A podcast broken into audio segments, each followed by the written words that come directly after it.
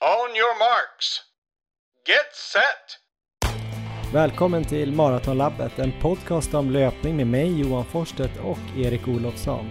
Det här 76 avsnittet är ett frågeavsnitt där vi bland annat kommer att prata om hur man bör logga sin träning, hur man kommer tillbaka efter skador och sjukdomar på bästa sätt och så har vi jämfört herrarnas och damernas kvaltider till maraton-SM.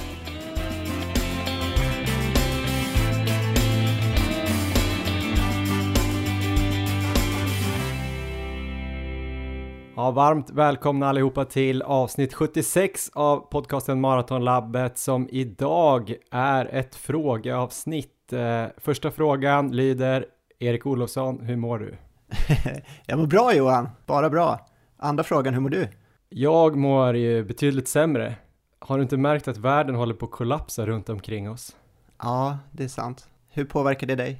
Jo, men jag tror att det har påverkat mig så att det är lite upp och ner så här i hur jag känner kring livet, höll jag på att säga. Lite negativa tankar, men jag försöker tänka positivt. Men det är ganska spännande att typ för tre veckor sedan så satt vi kanske och var lite oroliga för att några lopp eventuellt skulle ställas in. Sen för två veckor sedan var man väl orolig för att alla över 70 skulle dö. Och nu är man väl typ orolig för att hela det ekonomiska systemet kommer kollapsa i hela världen och kommer bli en depression och massarbetslöshet, eh, självmord, instabilitet i u-länder. jag fick sjukt dåligt samvete nu att jag sa att jag mådde bra. Nej, jag vet inte, men eh, vi ska väl kanske inte grotta ner oss eh, kring det idag egentligen, för vi har inte fått en enda fråga om corona. att, eh, Eller Vi kanske borde lyssna på våra lyssnare och inte prata så mycket om det och blicka framåt. Så eh, vi ska försöka tänka positivt helt enkelt. Erik, eh, hur gör du det? Du som verkar vara på bra humör. Ja, men jag var ute idag här och sprungit och det är härligt att bara kunna springa. Dels att ha det skadefri och eh, frisk nu då, än så länge. Och eh, dessutom så kan vi springa här i Sverige, så jag hade en väldigt härlig morgonrunda, en återhämtningsrunda på 9 km blev det. Lugnt tempo och solen sken, så att jag kommer in här och är på väldigt bra humör. Mm. Du skrev till mig häromdagen och tyckte att jag verkade ha fått ett litet eh, uppsving här under ja. coronakrisen på löpningen. Hur tänkte du då? Ja, men jag tycker du ligger på en högre snittvolym än du har gjort tidigare och du testar massa nya grejer hela tiden känns det som. Du springer långt, alltså på en nivå som du inte har gjort förut. Nu är det så här fyra mils pass känns som standard. Det kommer in typ bara, i alla fall ett i veckan. Ehm, så det känns som att du har fått något ja, något positivt uppsving här på slutet. Är det att du inte har några mål att tänka mot utan du kan göra lite vad du känner för eller? Jag vet faktiskt inte. Det var ju lite så här, om man ser på min strava så ser det verkligen ut som att eh, det har eh, ökat upp i, samtidigt som den här krisen kom över oss, ordentligt här i väst i alla fall. Ja. Eh, men jag tror nog att min planering egentligen var att jag skulle springa lite mer här i mars efter att jag hade sprungit eh, mitt 1500 meters lopp, så att jag tror inte att det är så här äkta samband. att det inte är riktig kausalitet, utan det är ett falskt samband. Men å andra sidan kan det ju vara så att jag försöker springa ifrån den här oron och ångesten som väller över mig. det låter ju inte alls som några bra anledningar att springa. Jag trodde det var en sån här inspiration och att motivationen var på topp nu. Nej, men lite att jag har tänkt att jag skulle öka upp eh, mängden lite grann och volymen och eh, slänga in lite mer långa pass som jag ju kanske, det kanske finns en svaghet där hos mig, uthållighetsbiten, så lite det där kanske du har pratat om, att försöka bygga upp eh, saker som man inte har gjort så mycket. Är det bara planeringsmässigt eller har det varit roligt att liksom komma upp i den här volymen? Eh, hur har passen varit då? Framförallt tyckte jag det här 40 km passet var roligt. Ja. Det var väl lite långsamt. Jag stannade kanske lite för mycket så jag fick väl inte flyt överallt. Jag stannade och fotade lite hopp över någon nedfallet träd och sen så hade jag väl med mig några små godis och någon Snickers och sådär. Och så var jag tvungen att ja, men stanna där det var fint och så. Men eh, jag kände mig stark ändå. Jag var lite så här, oj, oj, oj, nu känns det som att jag var borta hur länge som helst där efter 22-23 och hade liksom 17 kvar. Men sen så rullade jag bara på, så det, det kändes väldigt bra. Ehm, totalt sett så har det kanske inneburit att jag har fått stryka något kvalitetspass när inte benen har känts fräscha. Men det är väl lite så det kan vara när man ökar upp mängden också egentligen. Att man kanske inte kan köra lika hårt på alla de här vanliga hårda passen. Eh, men det har varit ganska kul, det har känts ganska lätt att komma upp i 10 mil nu. Ja. Och det hade det väl inte känts för ett år sedan eller två år sedan. Så vi får väl se hur länge det där eh, håller i sig. Jag ska i alla fall springa 10 mil den här veckan tänker jag och sen får vi väl se om jag lägger in lite mer eh, kvalitet och kanske går ner någon mil igen och sen bygger upp mot där 10. Så vi får väl se vad som händer. kroppen känns ju liksom, även om den är lite trött ibland så har jag inte några känningar av några konstiga skadebekymmer i alla fall. Ja, du överlevde de där ultraintervallerna. Det kom ingenting efter dem. Nej då, jag var lite trött efter dem. Jag var mer trött efter dem än vad jag var efter den här 40 km rundan som jag gjorde rakt av.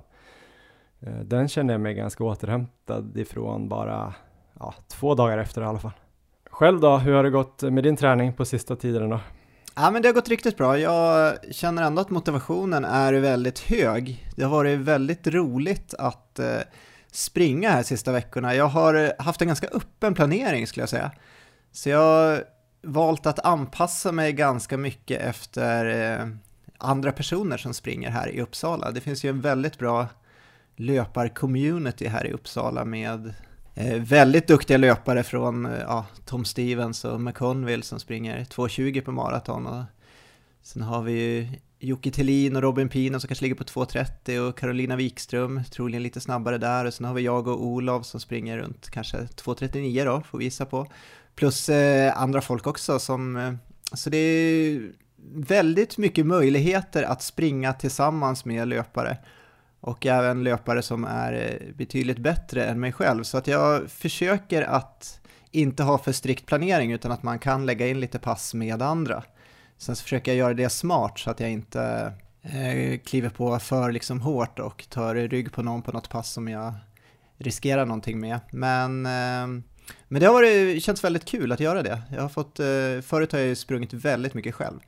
Men nu så kommer jag nog framöver här försöka vara lite mer flexibel och eh, anpassa min träning lite. Speciellt nu när man inte har något mål så känns det, känns det riktigt roligt att göra så.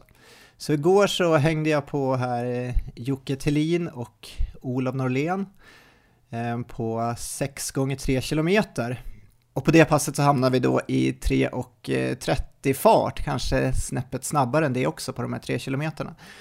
Ehm, så det kändes ganska hårt för mig, det var ändå rätt snabbt. Jocke är jäkligt duktig, han har sprungit 2.30 på maran. Ehm, men jag och Olof hängde på där så låg han och drog och eh, efter två treor så kände jag väl att det här, det här går men det är ändå liksom, eh, det börjar bli gränsen. Jag var väl uppe nästan i tröskelpuls och sådär.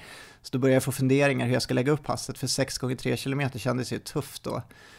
Ehm, och då började jag fundera på om jag skulle släppa dem lite och eh, försöka Um, ligga lite bakom istället och uh, försöka komma igen där sen på joggvilan. Vi hade två minuters joggvila. Men jag beslutade mig då att liksom utnyttja situationen där, att när jag har så bra draghjälp och försöka hänga på ett tag till. Så att jag, jag gjorde det, jag hängde på fyra stycken, men sen så eh, kände jag väl att eh, kör jag mer nu så kommer det liksom bara riskera någonting. Så då släppte jag dem efter fyra stycken tre kilometer och sen så körde jag fyra stycken en kilometer i samma fart själv sen istället. Så det blev totalt 16 kilometer då i 3.30 snitt ungefär, så ett jättebra pass för mig där jag liksom kunde utnyttja att springa med bättre löpare eh, samtidigt som jag inte tror att jag riskerade någonting.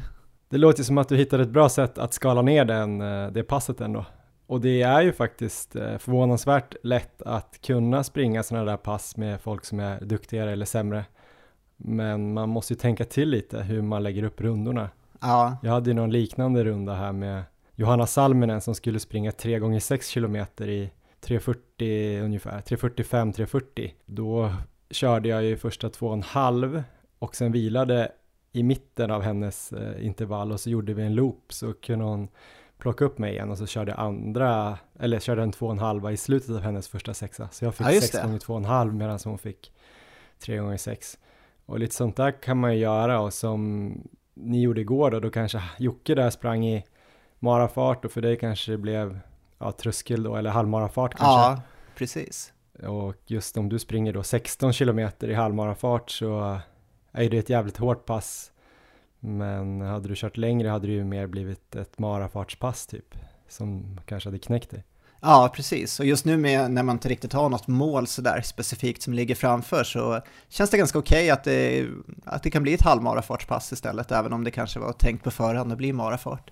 Så ja, lite mer flexibel än vanligt och det känns, eh, känns riktigt roligt. Vi har pratat Hade... om det lite förut tror jag, men vad har du för strategier nu då om du börjar känna av någonting eh, och du springer med andra? Det är ju ganska svårt att eh, bara kliva av tycker jag. Eller är det folk på den här nivån är så himla vana vid att folk gör exakt som de vill och sådär? Ja, men det tror jag de är definitivt vana med och det är ju eh, Eh, flera av de här eh, duktiga löparna som även ligger på lite olika nivåer, så det tror jag de gör. Och jag kommer definitivt göra det, att jag kommer hänga på så länge jag känner att det gynnar mig, men eh, så fort det blir någon risk och skulle jag få någon känning till exempel kliver jag definitivt av och även om pulsen spårar ur helt så eh, man får tänka lite på passen framöver också så att man inte liksom drar på sig för mycket mjölksyra och eh, blir förstörd i flera dagar. Jag kommer definitivt inte vara rädd att liksom prova att hänga på ett tag, även om det känns, eh, känns som att det kan vara lite väl tufft. Mm. Har du kört något mer då? Ja, jag och Olof var ute och körde ett marafartspass också förra helgen i lördags. Då hade vi tänkt köra 5 gånger 5 km i 3.45, så det var ju ett eh, väldigt hårt marafartspass. Eh, vi, det blåste otroligt mycket den dagen. Jag hade en väldigt bra dag så jag drog, låg och drog ganska mycket där i motvinden. Eh, men sen kom Olof tillbaka bra på slutet. Fick en liten minimal känning i hälen då inför sista femman, så då var jag lite orolig, men vi körde på i alla fall en trea, beslutet var för sista, så det blev 4 gånger 5 plus 3 kilometer, så 23 kilometer totalt i marafart och jag tror vi snittade i slutändan runt 3.45 i alla fall, trots vinden. Eh, väldigt bra dag annars, så att det kändes riktigt bra och hälen har inte eh, gjort sig påmind efter det, så att jag klarar mig nog ifrån det också. Så eh, ja, men några riktigt bra pass på slutet, inte legat på någon jättehög volym. Förra veckan så hade jag ju tänkt att ha en väldigt lugn vecka. Sen så fick jag möjlighet att springa lite extra pass när jag fick barnvakt och så, så att det slutade väl ändå på en 12 mil tror jag. Oj, vad lite. ja. Men eh, en annan sak som är positiv, Erik, det är ju vårt samarbete med Löplabbet. Absolut. Sveriges största butikskedja för löpning. Åtta butiker plus en väldigt bra webbshop eh, på löplabbet.se. Just nu har väl alla de här äh, filmerna om distansskor rullat ut på Instagram TV. Kolla deras äh, Instagramkonto, Löplabbet. Där kan man ju se guider för 14 olika par äh, distansskor. Och just nu, mars månad ut här, så är det ju också 25% rabatt på hela sortimentet med koden Maratonlabbet. Och det gäller allting i butiken som inte då redan är på rea. Och eh, ja, det går att använda den här både i butiken och på webben. Och om ni handlar på webben för över 1000 kronor är det också gratis leverans. Så det är ju bra köpläge på löpargrejer nu i alla fall. Okej Johan, hur många av de, alla de här skorna har du själv nu? Jag vet ju att du gillar löparskor och eh, jag vet att du har redan ganska många distansskor framför allt. Har det dykt upp några nya skor i sortimentet? Inga nya distansskor faktiskt att rapportera om. Däremot har jag um, nu mer ett par Nike Pegasus Turbo 2. Just det. Som känns riktigt vassa faktiskt. Jag behövde nog ett par äh, skor till. Eller hur? äh, och äh, nej, men jag behövde faktiskt ett par som jag skulle kunna springa ja, men lite så här längre intervaller med och ändå känna mig pigg och eh, vara lite vass i dem och även långa pass som kanske ska gå lite fortare. Eh, även funkar de här Pegasus Turbo tycker jag på uh, lite kortare intervaller. De är väldigt lätta, de väger bara strax över 200 gram. Okay. Och har ju samma, vad heter det, samma foam, samma gummi, samma sula, samma mellansula som eh, Vaporfly. Just alltså det. samma material. Sen har den ju inte den här kolfiberplattan då, men de här uh, studierna visar väl att det är snarare mellansulan som ger den här uh, lite studsiga ja. effekten. Så jag tror på de här skorna. Det känns svårt att springa långsamt i dem.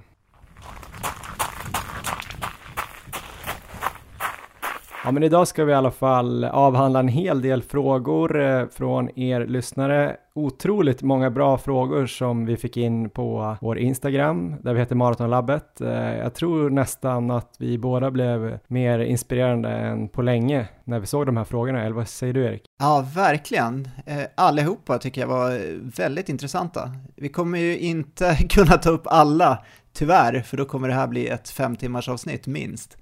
Men eh, vi har ju valt ut några nu och sen så kan det bli kanske ett till frågeavsnitt senare med de frågorna som inte kommer med. Annars får vi försöka gå in och svara på allt på, på vår Instagram-post där också. Ja, vi har skrivit ner allt här i ett dokument, även lite frågor till avsnitt 64 som också var ett frågeavsnitt som vi inte hann med då, så vi har ett stort dokument, så det kan ju bli fler frågeavsnitt kanske. Eh, den här gången har vi valt ut eh, dels de som vi bara tyckte var väldigt intressanta att prata om, eh, men också försöka ha en liten blandning mellan olika ämnen och sådär. Skulle du vilja börja med en fråga, Erik? Ja, men det kan jag göra. Då har vi en fråga här från Elin Arons som skriver Glad motionär, hur kan man vidmakthålla sin maratonträning man har i ryggen samtidigt som man tränar inför ett halvmaraton så att man efter halvmaran åter kan sikta mot 42 kilometer. Vad tycker du där Johan? Jag har inte skrivit ner något jättelångt svar där, men jag tänker här att Elin ska försöka bibehålla en eh, ganska hög volym på veckorna. Eh, hon kan eh, kanske var tredje, var fjärde vecka ha ett eh, längre pass som är mer maratonlikt, alltså att hon håller uppe långpasset, kanske inte behöver springa liksom 35 varje vecka, men om hon har kanske ett 35 km pass i månaden, eh, så att hon, om hon nu har byggt upp till det, det vet jag ju inte. Ja. Men jag tänker att om man tränar för mara så borde man kanske ha varit där. Så att man kanske ligger kvar på det så att man snabbt kan kliva på den långpassträningen mot en mara. Sen tycker jag kanske att eh, även om man kör mycket tröskel eller halvmara intervaller under den här perioden mot en halvmara så tycker jag väl att samma där kanske var tredje vecka eller något så kanske man kör ett sånt marafartspass ändå för det kommer ju ge väldigt mycket ändå liksom för uthållighetsträningen för halvmaran. Så eh, det är väl ungefär mitt snabba svar. Vad ja. säger du? Jag tänker nog att jag tror det kan bli ganska optimalt bara att gå in i en halvmaracykel. Jag tyckte jag fick det rådet ganska ganska snabbt när jag lyssnade på eh, lite poddar när vi började med Maratonlabbet, det var bland annat en amerikansk podcast som heter Running Rogue, som pratade mycket om olika träningscykler och att just att lägga in en fartcykel, om det nu var mot 10 km eller halvmara eller så, var nästan optimalt i det långa loppet, eh, även om man då hade maraton som huvudmål. Eh, just att få den där variationen. Ehm, så att jag, jag tror inte man behöver vara så orolig egentligen över att tappa den här maratonträningen man har gjort, utan det är nog, det är nog bara bra att lägga in en träningscykel, om det nu är 20 veckor kanske, där man siktar mot fart, kanske 10 km halvmara. Och eh, sen så när man då går in i den här maratonträningen då inför nästa maraton så kommer det komma tror jag. Ehm, Sen så är det ju som du säger också, det är ju viss, viss träning som man gör då, om man siktar på halvmara, det kommer ju ändå liksom vara åt maratonhållet, så man kommer ju ha någon form av långpass även om det inte kommer vara lika långt och så vidare. Men eh, jag tror mitt råd skulle nog vara bara att inte oroa sig så mycket över det utan bara se det som ett ganska optimalt upplägg i det långa loppet. Och eh, jag tror nog att det, det kommer gynna maran och man kommer nog kunna komma tillbaka till nästa maracykel och vara ännu starkare. Och sen får man ju gå på med den specifika maratonträningen så kommer ju uthålligheten komma också just halvmara och maratonträning är heller inte sådär vitt skilt. Jag tänker att det är kanske är ännu större fråga om man skulle plötsligt då gå in och börja träna för 1500 meter och sen direkt hoppa på en maratoncykel efter det. Då kanske det blir mer att eh, man måste pussla lite. Men det jag tänker ah. på just det här med att kanske ta med sig var tredje eller var fjärde vecka några maratonelement på hela den här tanken kring att bygga upp en eh, förmåga och sen ta med sig den i nästa period hela tiden. Som att jag nu kanske då har jobbat med fart här i januari, februari för 1500 meter.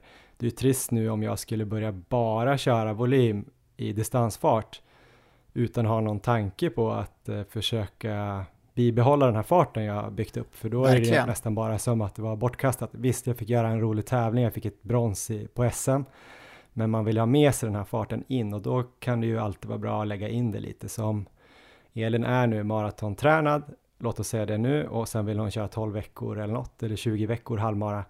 Så skadar det heller inte halvmaratonsatsningen menar jag med att slänga in de här lite längre passen en gång i månaden. Så det låter som, det låter som hon har en bra plan tycker jag. Gör det Elin!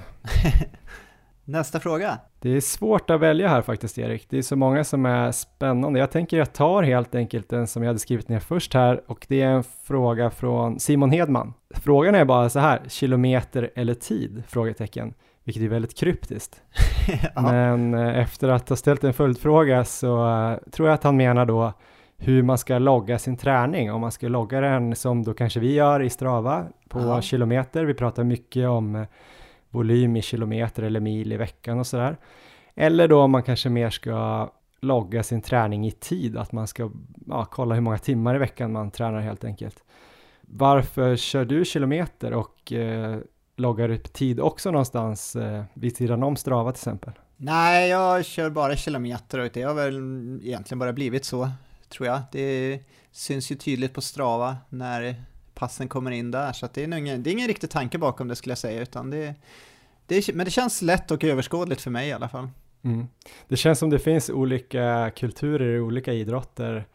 Jag tror till exempel inte längdskidåkare pratar så mycket om kilometer, utan de pratar väldigt mycket tid, både på sina pass, att de kanske kör, eh, vad vet jag, 6 gånger 5 minuter i VO2 max. De pratar nog aldrig om att de kör 6 gånger 2 kilometer för att deras eh, banor ser ju alltid olika ut och ja. man kommer till olika kupering och sådär. Löpare är nog ganska mycket mer fixerade vid att man ska köra tusingar eller mile repeats eller 400 eller 800 eller sen kan det ju ibland vara att man kör fartlekar eller VO2 max där man kanske kör 30 på och 30 av och sådär. Då kanske man inte börjar räkna eh, meter på de passen. Sen eh, loggningen tycker jag att eh, Ja, det är en spännande fråga, för det borde bli mer, eh, egentligen mer exakt om man mäter tiden man tränar.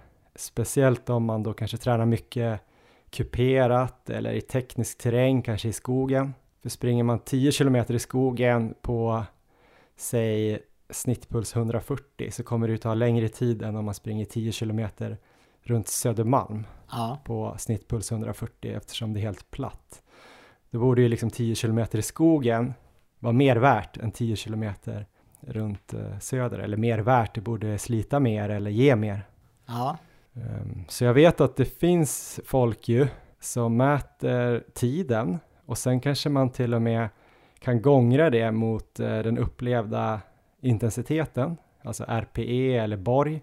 Ja. Säg att man tar uh, upplevd ansträngning 1 till 10. Just det. Då kan man till exempel ta så här, ja, jag sprang 60 minuter idag, det var en 8 då blir det alltså 480 poäng, eller arbitrary units kallas det. Ja. Och sen räknar man igenom hela veckan sen, så får man ett, eh, en totalsumma på antal poäng man har tränat den veckan. Och då är det liksom så här 100 minuter med upplevd ansträngning 2 är då alltså 200 poäng, så betydligt mindre än 60 minuter på en 8 såklart. Just det. Så då får man en poäng och då kan man se så här, okej okay, nästa vecka har jag planerat att köra så här, och då kan man se att den här totalpoängen inte blir helt out of hand så att inte belastningen blir mycket högre. För kollar man bara volym så är det ganska stor skillnad på en 10 mila vecka och en annan 10 mila vecka beroende på hur hårt man kör. Finns det så direktiv då med de här RPI, um, ungefär vad man inte ska överskrida och så och om man ska lägga in någon lugnare vecka med lägre RP och så, hur brukar man använda det här?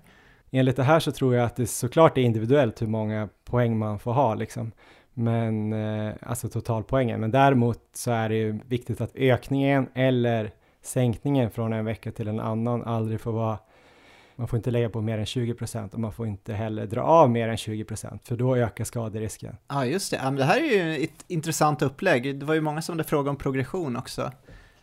Um, så att det, är ju, det, det, kan ju vara en väg att gå.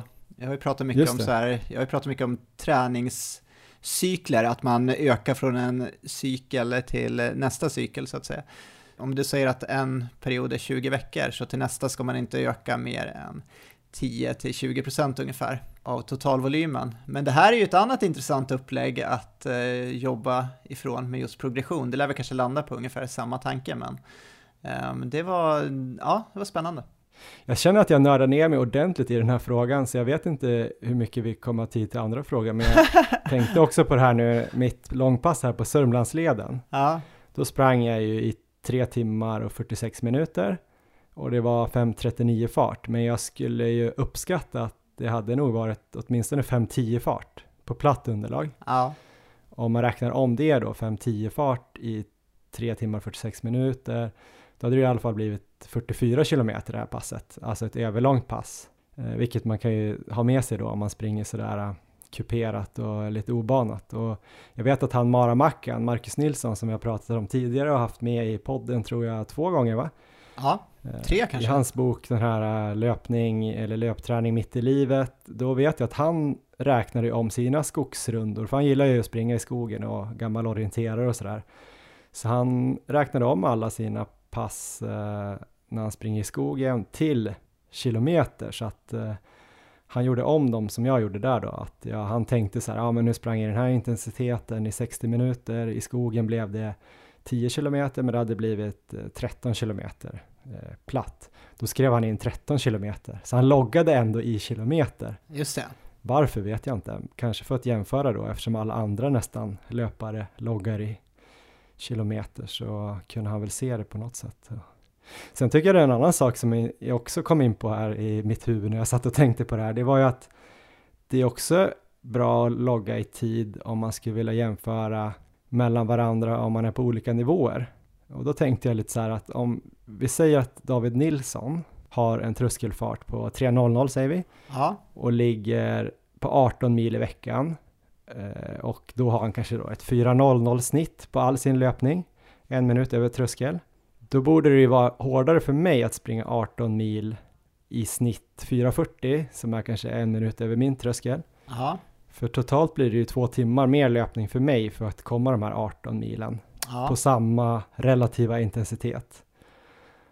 Då skulle man ju till exempel, då skulle alltså jag träna egentligen hårdare då än David. Då kanske det blir lite för hårt för mig, så ibland när man stirrar sig blind då kanske på, ja jag ska komma upp till 12 eh, mil i veckan, så blir det ju mycket mer löpning för en långsammare person. Så att just säga. det, just det.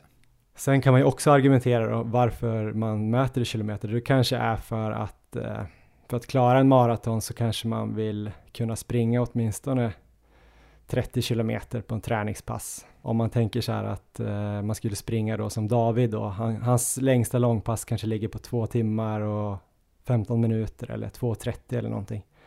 Och är man då en fyra timmars löpare, då kanske inte det blir så mycket mer än alltså 20-22 kilometer på ett långpass. Nej. Och då kanske det låter lite, lite för att eh, träna för ett maraton.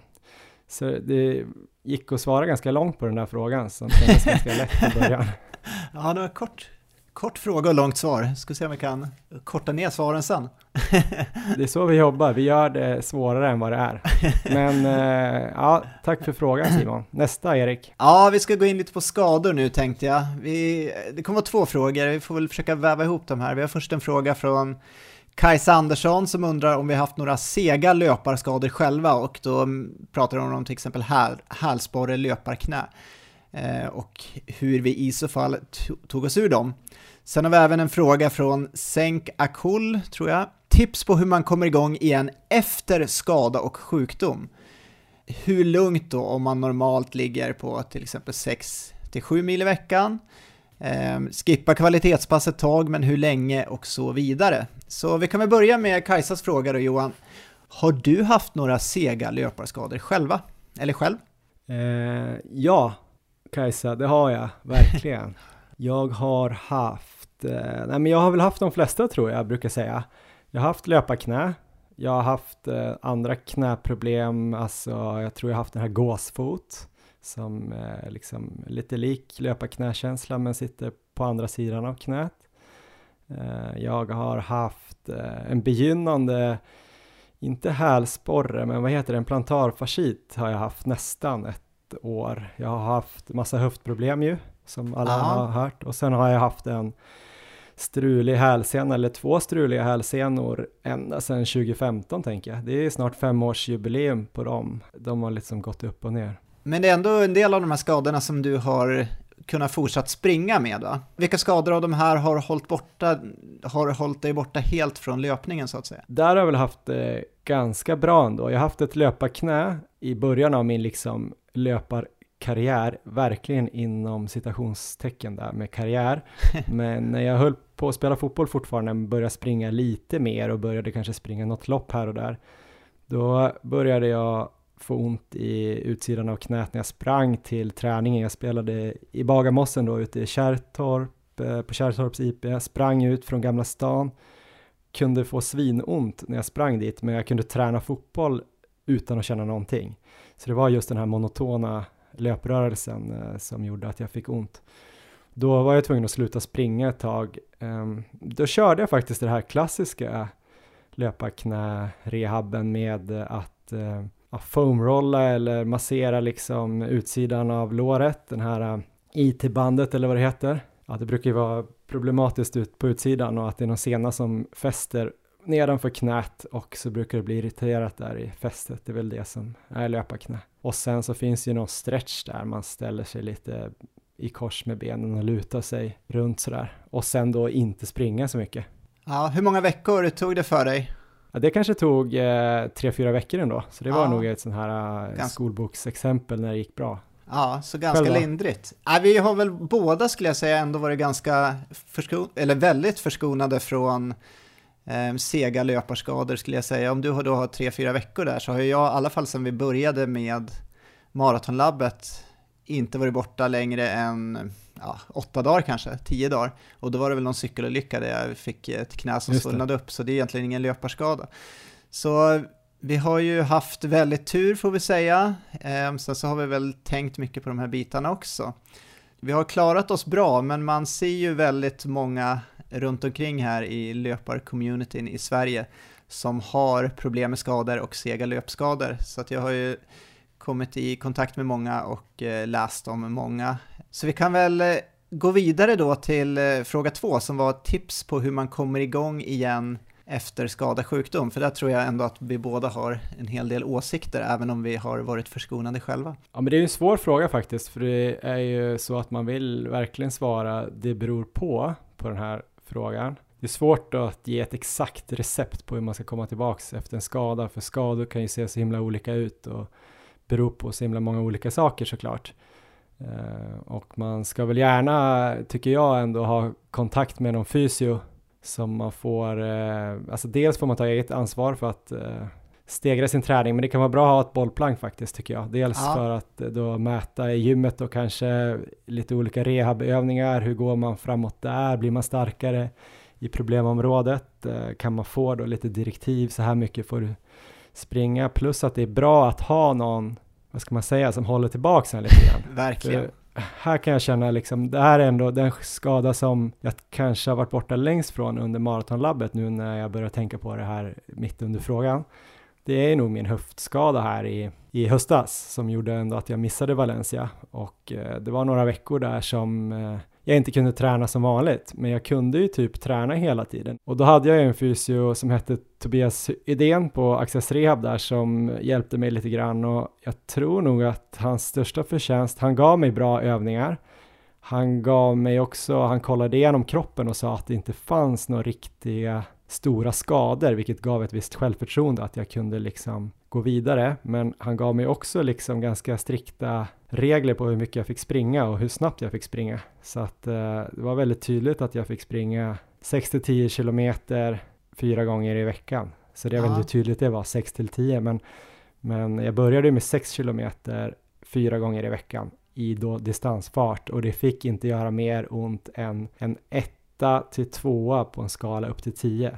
Just det, följde du de här direktiven? Kunde du liksom eh, hålla dig trots att du var motiverad till att verkligen följa de direktiven du fick? Ja, när jag väl insåg att jag skulle missa Valencia maraton, eller att jag absolut inte skulle hinna komma i form i alla fall, då följde jag det faktiskt till punkt och pricka. Då hade jag fyra pass i veckan, aldrig två dagar i rad, utan jag körde måndag, onsdag, fredag, söndag löpning. Ja. Ja, då kanske det blev i och för sig två dagar i rad nästa vecka då, när man börjar på måndag igen.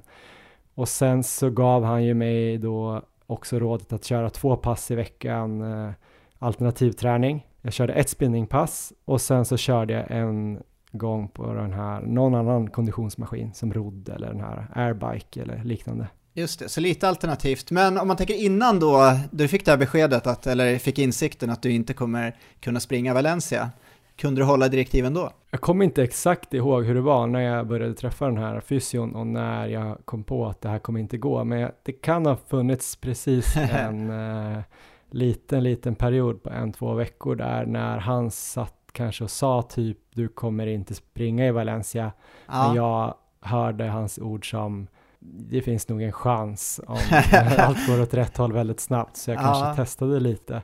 Jag var ju inne ett tag på att anmäla mig till den här äh, milloppet i Valencia. Det var ett millopp samtidigt och då tänkte jag att det kanske skulle funka, så ett tag var jag inne på det. För det där tror jag är ett väldigt vanligt problem, att äh, just att de här målen och loppen ligger framför och äh, stressar. Alltså att det är väldigt svårt att följa de här direktiven man får. Om man då går till, till och med om man går till en fysio och liksom får dem svart på vitt, att så här ska du göra.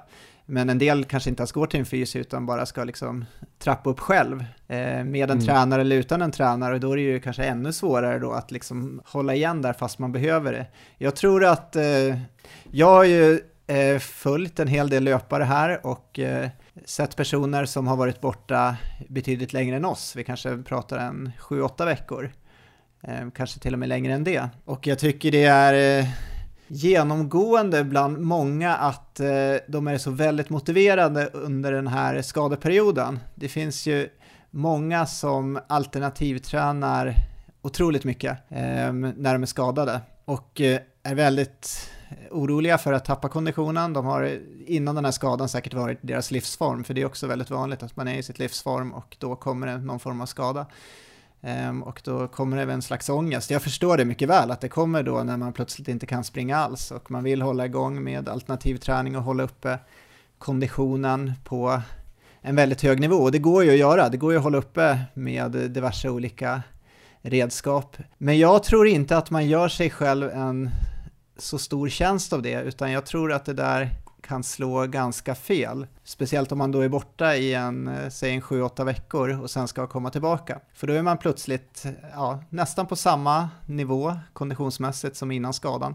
Kanske till och med bättre nästan. Vissa kör ju sanslöst hårt med alternativträningen. Men eh, resten av kroppen är inte med riktigt då. För även om den här skadan som man har haft då är då läkt så är ju fotleder och så vidare inte vana vid den belastningen som löpningen ger. Ehm, och då ska man plötsligt kliva på och träna där igen och då ska man göra precis det som du egentligen har fått direktiv av din fysio, att man ska börja på en väldigt lugn nivå och bara springa lite grann. Ehm, och det bästa som jag känner då, det skulle ju vara att vara ganska ur form för att kunna göra det. För då skulle det vara mycket lättare om, det liksom är, om man är på den nivån att man kan trappa upp och ändå springa, eh, springa och det känns kanske lite jobbigt. Men istället då om man är i liksom nästan toppform rent konditionsmässigt, det kommer ju bli dels jättetråkigt att bara kunna springa så kort. Och det, kommer vara, det måste vara sanslöst svårt att liksom hålla igen och trappa upp då. Så att jag tror riskerna man tar genom att köra all den här alternativträningen under skadeperioden är jättehöga. Jag Alltså, jag tycker man ser så många fall när man liksom kommer tillbaka då, kör på lite för hårt, man kanske börjar med eh, dels distans men även, jag ser folk som kör intervaller väldigt tidigt efter att ha kommit tillbaka efter en lång skadeperiod och så kommer det nya skador, det är inte så ofta kanske samma skada som dyker upp men då kanske det kommer en fotledsskada eller någonting annat istället.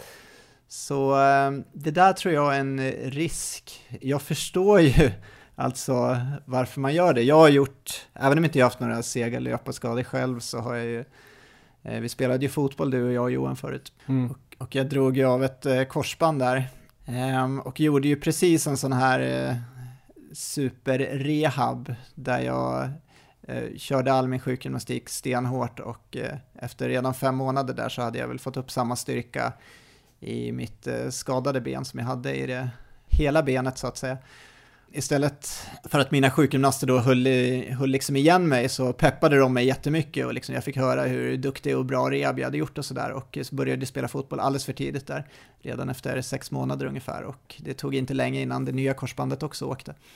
Och det där, eh, det där tror jag är en stor risk. Så eh, om jag skulle så få prata till mig själv om jag eh, själv skulle dra på mig en sån här löparskada, typ en hälsporre eller ett löparknä och bli borta åtta veckor eller något sånt där i framtiden, så skulle jag vilja säga till mig själv bara att eh, jag hoppas jag kan acceptera det och liksom vara okej okay med att tappa formen under den här perioden. Eh, köra på med det man liksom kan påverka Alltså styrketräning går ju ändå att köra, förhoppningsvis någon form av styrketräning. Det beror ju såklart på vilken löparskada man har, men det är ju en bra tillfälle att stärka upp de bitarna. Men just eh, konditionsmässigt med alternativträning, det hoppas jag att jag kommer liksom kunna ta det lugnt med. Jag är inte säker på att jag kommer kunna klara det, men eh, jag hoppas det i alla fall. Du får skriva ner tidskoden här nu på podden här så kan du hitta tillbaks enkelt ja, och lyssna det. på dig själv nu om du blir skadad. Ja, Men du menar alltså att eh, risken för följdskador eh, när man kommer ut igen, om man har kört för hårt på rehaben eller under den här alternativa perioden, att det blir för stort? Ja, verkligen. Just att jag tror, det är, en, jag tror det är farligt att vara i för bra, att ha bra, för bra kondition efter en eh, lång skadeperiod. Men där tänker jag också lite grann, eh, om man tänker då på frågan där hur man ska komma tillbaks. Det är också lite lurigt, jag tror man får tänka vad, vad som har varit upphovet till den här skadan också. Det är en sak tänker jag, om man kanske har stukat foten eller någonting, man har, det har hänt något i skogen, liksom en akut skada som man kanske inte kunde påverka så himla mycket. Då kanske jag tänker också att man kan rehabba lite hårdare. Jag tänker också att det finns en risk att rehabba så här furiöst hårt om man kanske har fått en överbelastningsskada som har kommit eh, på grund av en eh, total totalbelastning i livet som har varit för hög.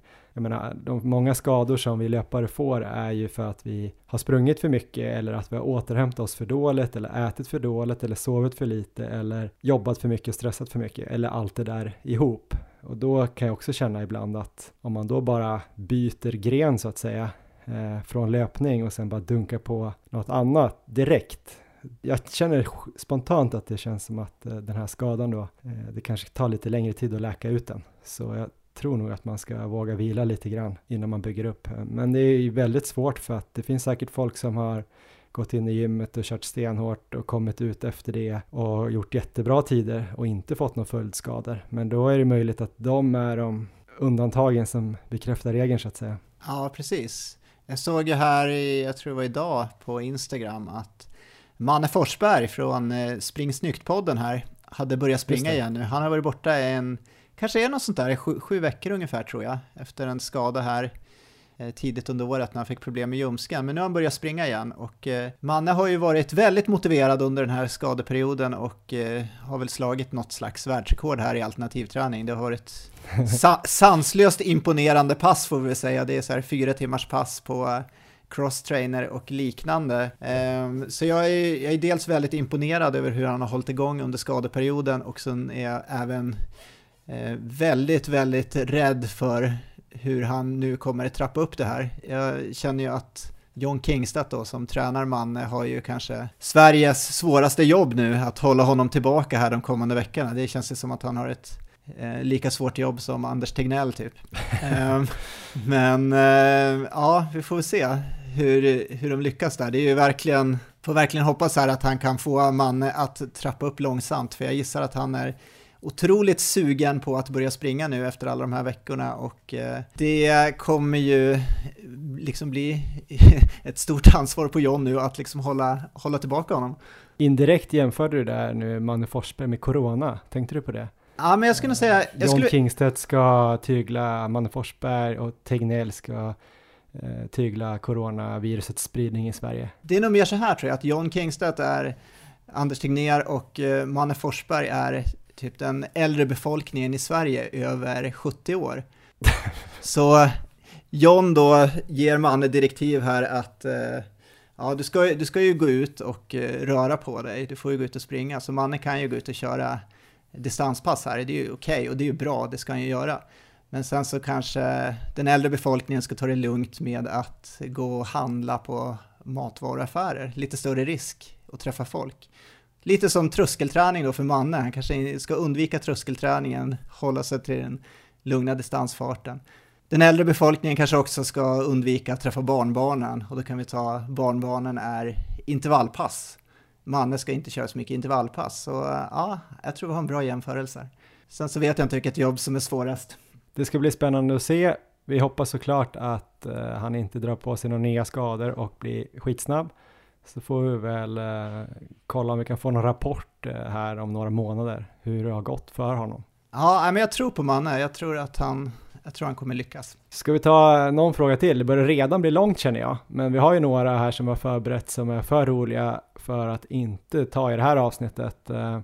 Jag tar nästa här då. Ja. Då har vi fått en fråga här av Jenny Rutström eh, som då lyder Har ni någon åsikt om kvaltiden till maraton, halvmaraton SM för tjejer respektive killar om de är jämförbara? Är det alltså svårare för en kille eller en tjej att kvala, alltså relativt sett då, eller är det motsvarande nivå? Och den här frågan eh, tänkte vi väl inte att den spelade så himla stor roll, men sen så började vi båda tror jag på varsitt håll räkna på de här för vi ändå blev nyfikna. Ja. Eh, så nu har vi ju gjort en ganska långt svar här tänker jag. Det ska bli spännande att diskutera det här och vi vill också poängtera det här. Vi har absolut ingen åsikt om de här Alltså jag menar ingen personliga åsikter om kvaltiderna. Det har vi aldrig riktigt reflekterat över. Det är väl satt för att det ska bli ungefär lika många eh, damer som herrar på de här SM-distanserna. Ja, precis. Vi har heller ingen åsikt om eh, vilket som är det bästa könet eller något sånt. Så att vi, vi vill bara göra en disclaimer här att vi är bara nyfikna för att jämföra det här. Så jag vet inte, vem ska börja här Erik? Du sa ju att du hade suttit uppe halva natten, så börjar du så finns det absolut inget att säga, men det kan vara kul för du sa att du hade snöat in på lite vetenskapliga artiklar. Ja. Och jag har kanske typ hittat någon artikel och sen har jag räknat på det här och fått ja. ut eh, vilka tider det borde vara om man jämför, eller om det nu skulle kanske vara så att det är rätt tider. Eh, så vill du börja lite grann då? Ska vi säga först då, om man ska kvala till maraton SM så är det 3.07 för damer på maraton, 1.25.30 på halvmaraton och 37 på milen. Har jag tolkat det rätt då? Och för killar är det då 2.39, 1.12 och 32 minuter. Så nu frågan är om det här är ungefär eh, lika svårt för damer som herrar. Erik Olofsson. Ja, men en jättebra fråga från Jenny Rutström här och uh, jag har lagt fokus på maratontiden. Så det är den jag kommer ja. ge mig in på här. Vi är alltså 2.39 för herrar och 3.07 för damer. Yes. Och jag har då läst en artikel här från The Journal of Applied Physiology som heter The Two Hour Marathon, What's the equi Equivalent for Women? Den skriven av Michael Joyner. Och där har de helt enkelt då kollat då på just den här magiska två timmars gränsen och försökt hitta liksom en motsvarande tid för damer, vad det skulle kunna vara för tid. Den här artikeln skrevs 2015, så det var när Dennis Kimetto hade världsrekord på 2.02.57 och Paula Radcliffe hade världsrekord på 2.15.25. Så med enkel matematik då, om man då jämförde de tiderna så var det ju 10% skillnad. Ja. Eh, så då skulle alltså tiden ha varit 2.12 helt enkelt, som skulle vara det motsvarande för 2.00. Ja. Men då var det många indika indikationer i den här studien då som visade att Paula Radcliffes tid nog var exceptionellt bra bland damerna. Hon hade ju de tre snabbaste tiderna och eh, om man då uteslöt hennes tider och bara såg liksom på de andra damerna, för jag tror att hon som var tvåa då hade 2.18 någonting, då kunde de se liksom en väldigt tydlig eh, graf där mellan könen, att det var liksom stämde otroligt korrekt med tiderna. Um, så med tanke på de här då så tyckte de att en 12-13% skillnad var mer korrekt där på den absoluta elitnivån. Mm. Så det kan man ju ha med sig då lite som bakgrund när det kommer till just, eh, just eliten. Jag kanske kan hoppa in här Ja, direkt. absolut. För att eh, exakt så här har jag räknat, för jag hittade också en artikel som hade jämfört alla världsrekord på alla löpgrenar. Och eh, det som var väldigt spännande med det var ju att på nästan alla sträckor där det inte var något exceptionellt, jag menar till exempel damernas världsrekord på 100 meter, Griffith Joyner som ju alla tror kanske var dopad 10.49, ingen som har varit riktigt i närheten av det. Men oftast då på nästan alla löpsträckor är det då nästan exakt 10% sämre tid då på damsidan. Eller att herrarnas eh, lopp var 90% av, av damernas tid så att säga.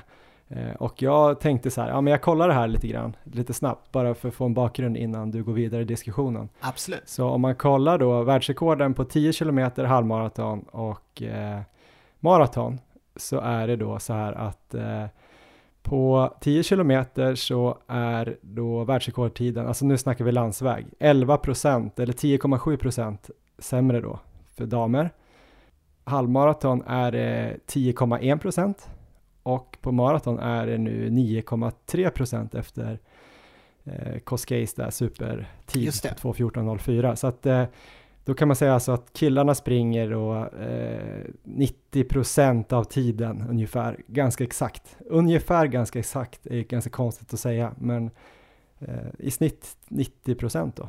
Så exakt som du säger. Och om vi då ska gå in lite grann på vad det beror på då, så om man har jämfört män och kvinnor med samma träningsbakgrund så finns det egentligen ingen skillnad alls i löpekonomi. Där är de lika effektiva, så det handlar om att män har ett högre VO2 max på grund av ett större hjärta, större muskelmassa, eh, lite mindre kroppsfett och en högre koncentration av röda blodkroppar. Så elitlöpare mm. bland män har normalt ett VO2 max på 70-85 medan elitlöpare kvinnor har kanske 60 till 75. Och Paula Radcliffe låg ju på 70 där och hade ju en anaerob tröskel på 18,5 km i timmen, så det var ju typ så här 3,15. Just det. Så väldigt bra.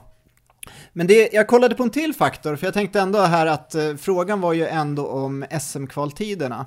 För här talar vi mm. om den absoluta eliten, så då försökte jag söka lite på om det fanns några skillnader om vi kommer ner på lite så här sub-elit helt enkelt. Och eh, då fanns, det, då fanns det lite faktorer som eh, de trodde kunde spelat in där och eh, en var ju taktik. För taktik på elitnivå det är ändå väldigt lika, där springer de både män och kvinnor väldigt taktiskt. Men just om man kommer mm. ner på lite lägre nivåer så kan det skilja mer och det har visat sig att det skiljer mycket mer.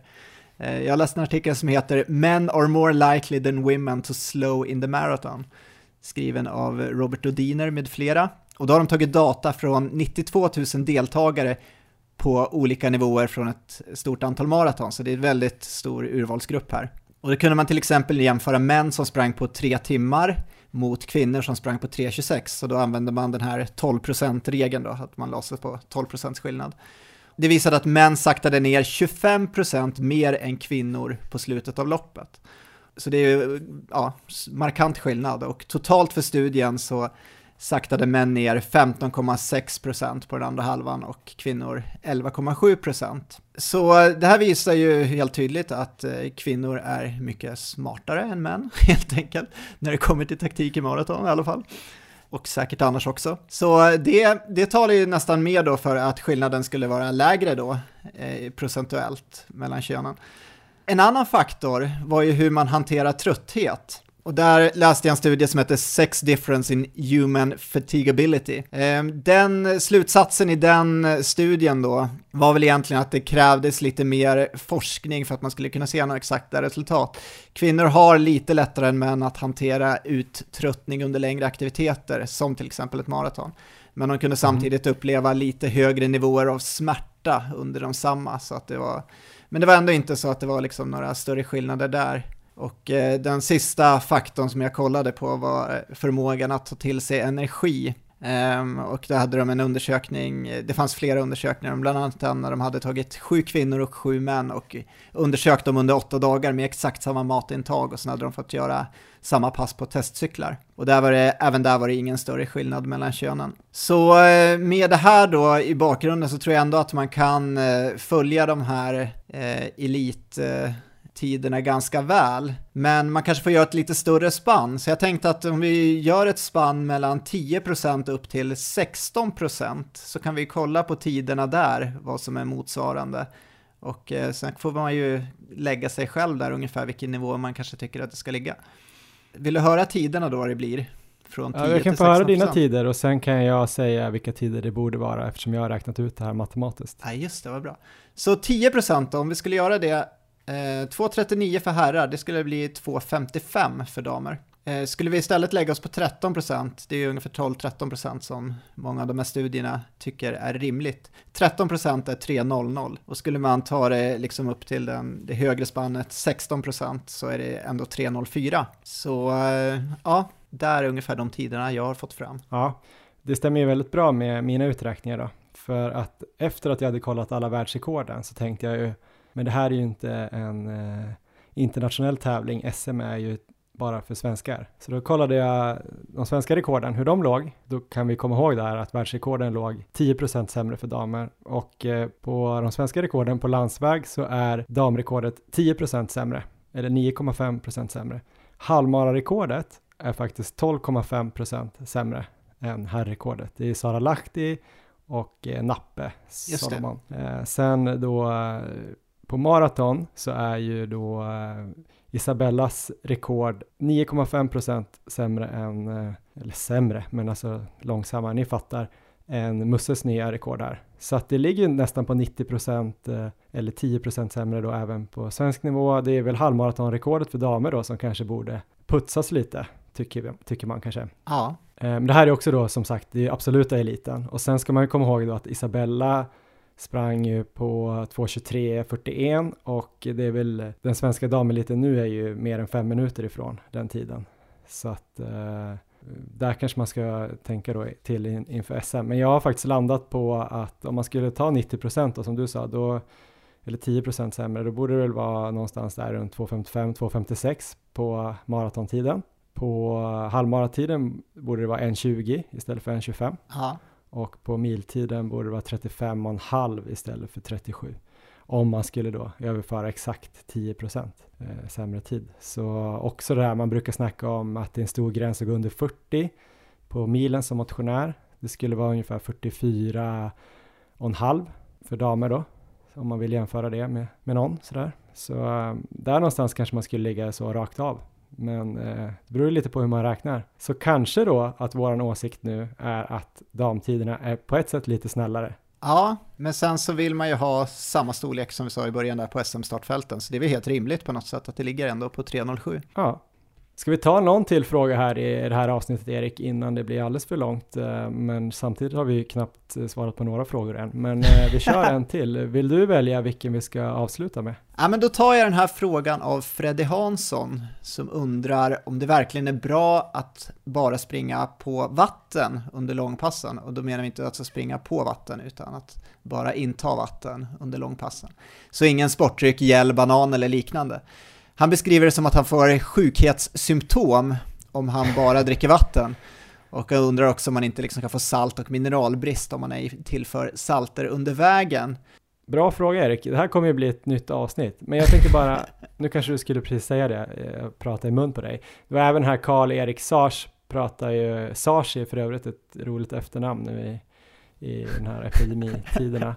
Eh, han frågar också om näringsintag under träningslångpass, om det ska vara samma som på tävling. Ja. Och sen tänkte vi kanske baka ihop det med den här Tommy lite grann, Tommy Josefsson som frågar hur man ska förbereda sig inför ett långpass för att inte, för att inte då få dålig mage när man är 15 kilometer hemifrån. Sen har han inte gått in på mer detaljer och det uppskattar vi. Ja. Eh, men vi kanske ska börja med det här med om man ska nu ta energi eller inte och eh, ja, vad tänker du kring det där? Du, jag vet att du kör ibland bara på vatten, du har även testat uh, ja, lite olika sådana här train low, compete high strategier. Vad tycker du?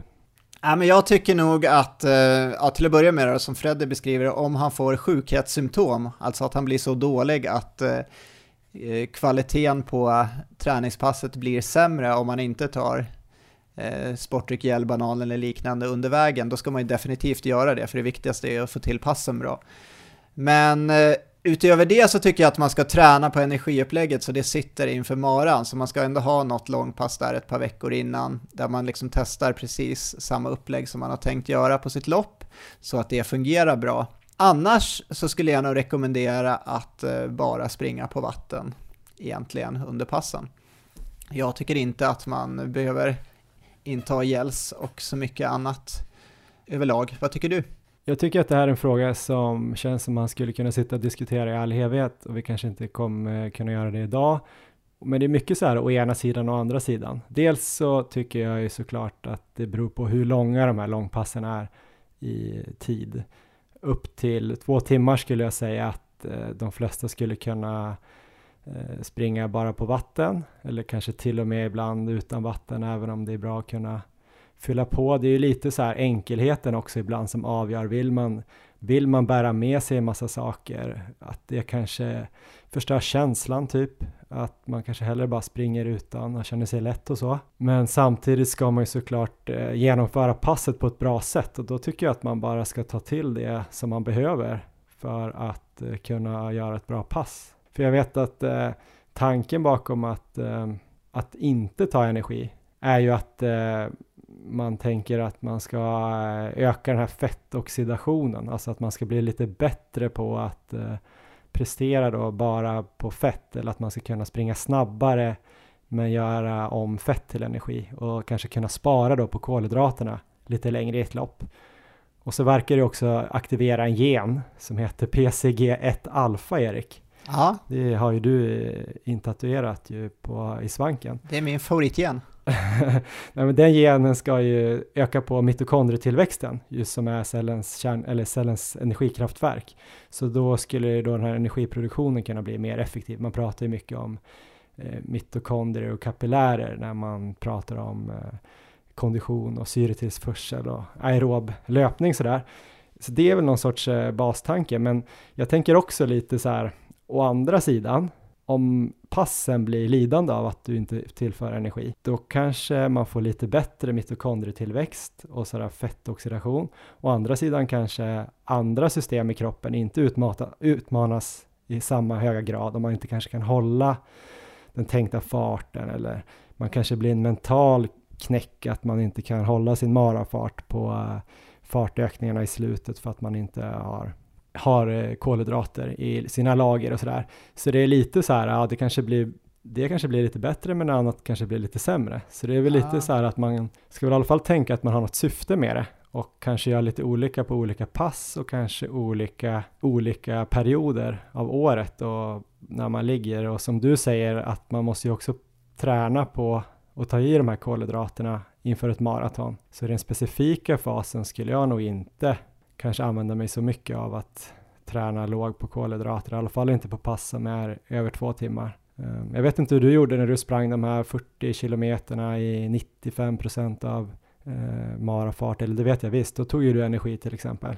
Ja, jag tog väl en gäll där tror jag, möjligtvis två, men jag är ändå inne på att jag kanske inte borde gjort det, utan istället eh, försöka komma åt den här känslan på slutet istället, där man verkligen går låg Um, så att jag, skulle jag göra om det passet tror jag inte jag skulle ta energi alls faktiskt. Om jag då kände att det fortfarande var möjligt att genomföra det.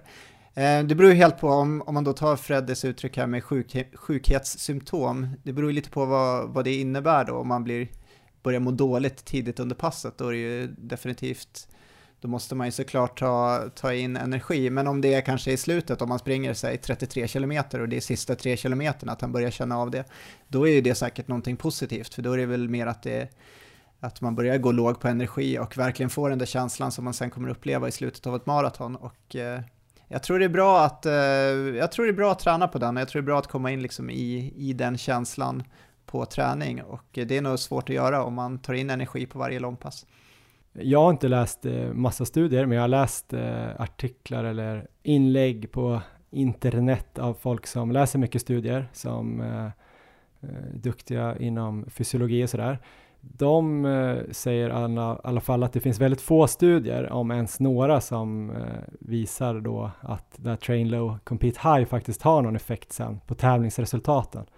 Att de har testat att folk har tränat på olika sätt och sen det faktiska träning eller tävlingsresultatet. Sen tänker jag såklart om man har en tävling där man ska springa 50 kilometer eh, och man inte kan ha någon eh, kolhydratstillförsel, då måste man givetvis träna på det. För det är då den specifika utmaningen, att springa 50 kilometer utan kolhydrater. Då måste man ju träna upp kroppen för att klara av det så bra som möjligt. Men på maraton får man ju faktiskt eh, äta hur mycket kolhydrater eh, som man vill och kan få i sig. Så ja, det är väl lite sådana där äh, frågeställningar jag klurar på. Jag tycker inte, jag har inte exakta svaret på vad som är bäst. Så jag tror nog framförallt att man ska tänka på det, kanske inte bara låta det gå åt slumpen. Att man bara, oj, nu hade jag inte med mig något och så är man ute i skogen och får sjukdomstillstånd och måste typ eh, äta blåbär så att man ens kan ta sig hem igen. Ja, men jag tror, jag tror vi ringer in det hyfsat bra där ändå Johan. Jag vill slänga in en bonusfråga, får jag det? En sista? Ja, men först ska du bara säga hur många gånger du har skitit i skogen på dina långpass för att du har ätit dåligt inför dem. För att jag har ätit dåligt inför dem? Uh, ja, eller av någon annan anledning. Hur många gånger har du fått så kallat bukras här som Tommy Josefsson kallar det? Ja, men, ja det, det, har hänt om jag säger så, men det har inte hänt ofta, utan det är lätt, lätträknat. För det finns ju andra poddare som gillar att prata om det här. Vi har inte pratat så mycket om det. Jag tycker typ att det är lite privat att prata om det. Jag vet att han som vi nämnde förut, där, Manne Forsberg, pratade om det i något avsnitt när han hade typ bajsat i en container på Skeppsholmen framför ett busslast japanska turister. Jag kan ha kommit ihåg fel. Ja.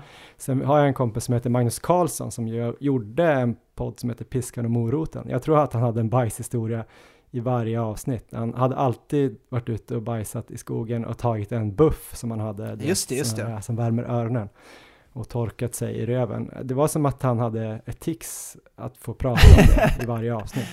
Så hans största råd i den där podden var väl att eh, om man hittar en buff i skogen så ta inte med den därifrån och häng upp den på något så här friluftsgårdshandtag där för att man har hittat den eller så, utan då ska man låta den ligga. Eh, men Tommy frågar här lite grann hur man ska tänka kring matintag innan långpass för att inte få dålig mage. Här tänker jag mer att man måste nog prova sig fram ja. och eh, vad som passar en bäst själv och sen eh, träna på det här, för det här är ju något som nästan alla löpare som börjar träna för längre distanser upplever någon gång, att de kommer vara tvungna att springa ut i någon buske och eh, jag skulle vilja säga att man ska undvika fibrer framför allt eh, och mycket fett och sådär.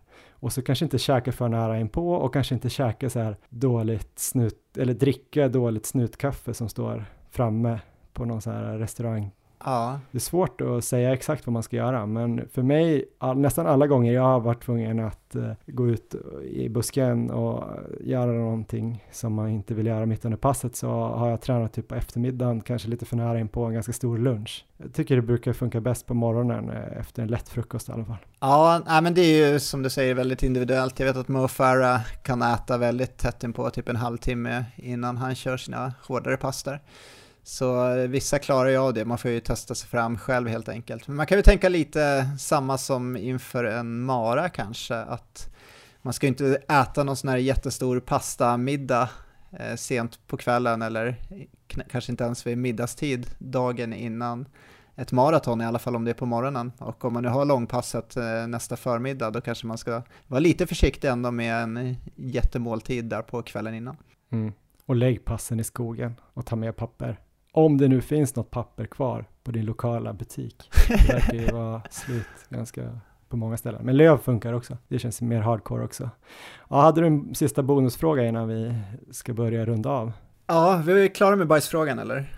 Ja, jag vet inte om den var tillräckligt bra besvarade. Vi gick inte in så mycket på detaljer tyvärr. Men jag tror att folk kanske är nöjda med det där bajssnacket nu. Bra, då kommer sista frågan till avsnitt 76 här. Den det kommer från Daniel. Finns det någon chans att Johan kommer ha bästa maratontiden när era karriärer är till ända? Och vad har ni båda för bästa tid i maraton om tio år? Du får börja. Ja, men jag har inte tänkt så himla mycket på den frågan faktiskt, men eh, Ja, mitt spontana svar är att det inte finns så stor chans, men sen när jag var ute och sprang idag så tänkte jag att det kanske finns en chans ändå att jag skulle ha ett bättre PB på maraton när vi, ja, när vi dör helt enkelt. Eh, det är ju då, chansen är ju nu att loppen fortsätter bli inställda här ett tag framöver så att ja. Erik inte kan putsa på sin 2.46 tid. För 2.46 tror jag att jag kan slå, eh, ja. ja. men hyfsat snabbt inom ett halvår eller ett år. Ett halvår skulle jag säga. Det är ju mitt mål ändå för 2020 att springa under 2.45. Så om Erik misslyckas några gånger till och sen kanske ledsnar lite så finns det nog en chans.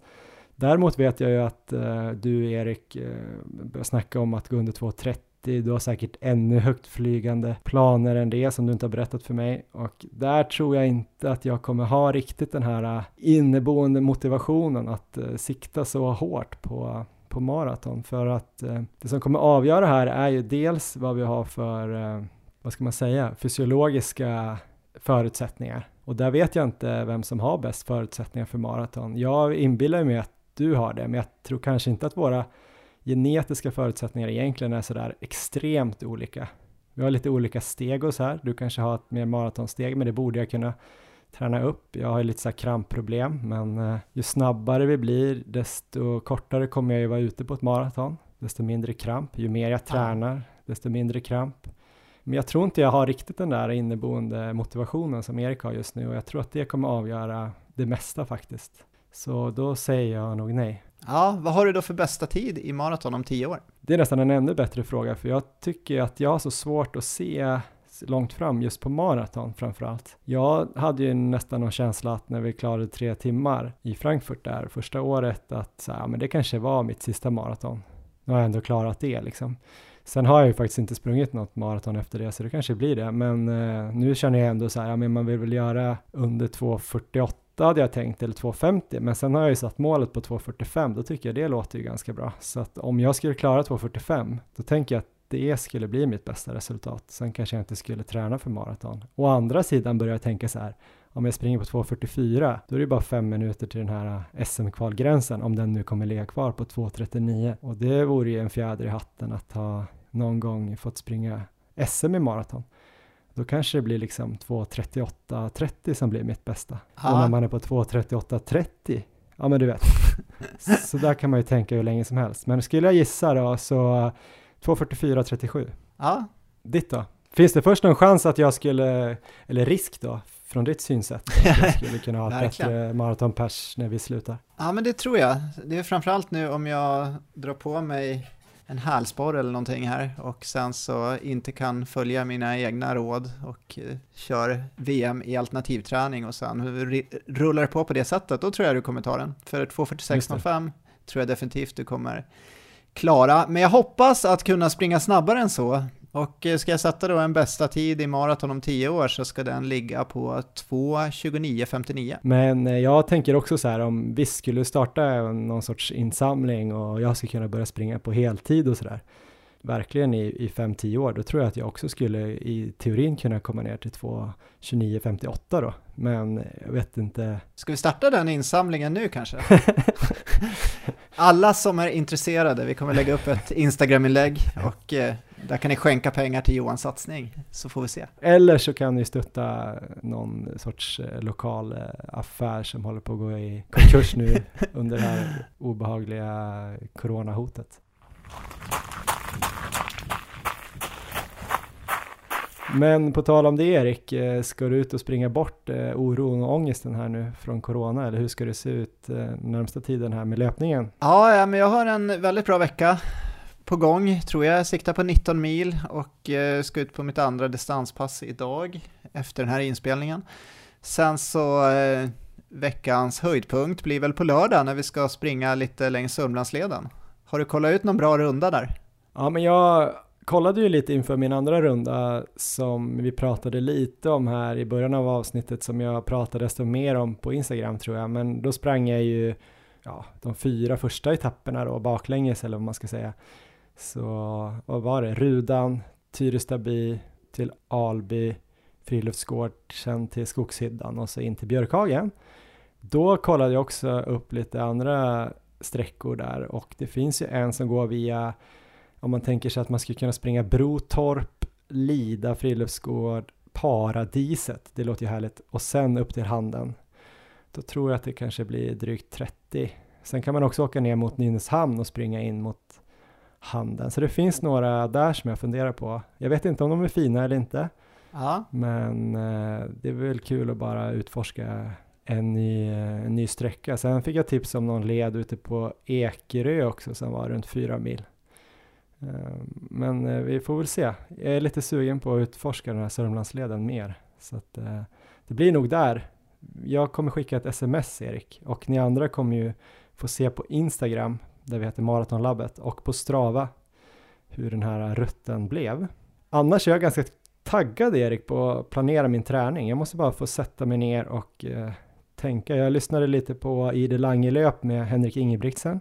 Ja. Eh, blev ganska taggad. Han pratade ju där om att man ska de tränar ju väldigt likt år ut och år in. Det kanske inte är så inspirerande på ett sätt, men jag känner att det är inspirerande på så sätt att eh, gör man samma sak eh, med kontinuitet en lång period så kommer det ge effekt. Och ibland kan jag gilla att komma in i den eh, rytmen, att man kanske har i alla fall några dagar som är satta. Sen kanske man har några dagar där man kan göra lite som du gör nu, att man eh, hoppa på någon annans pass, bara att det är ungefär det man hade tänkt att springa. Eh, det är jag lite sugen på. Sen läser jag just nu en bok av Jack Daniels också, som är inspirerande.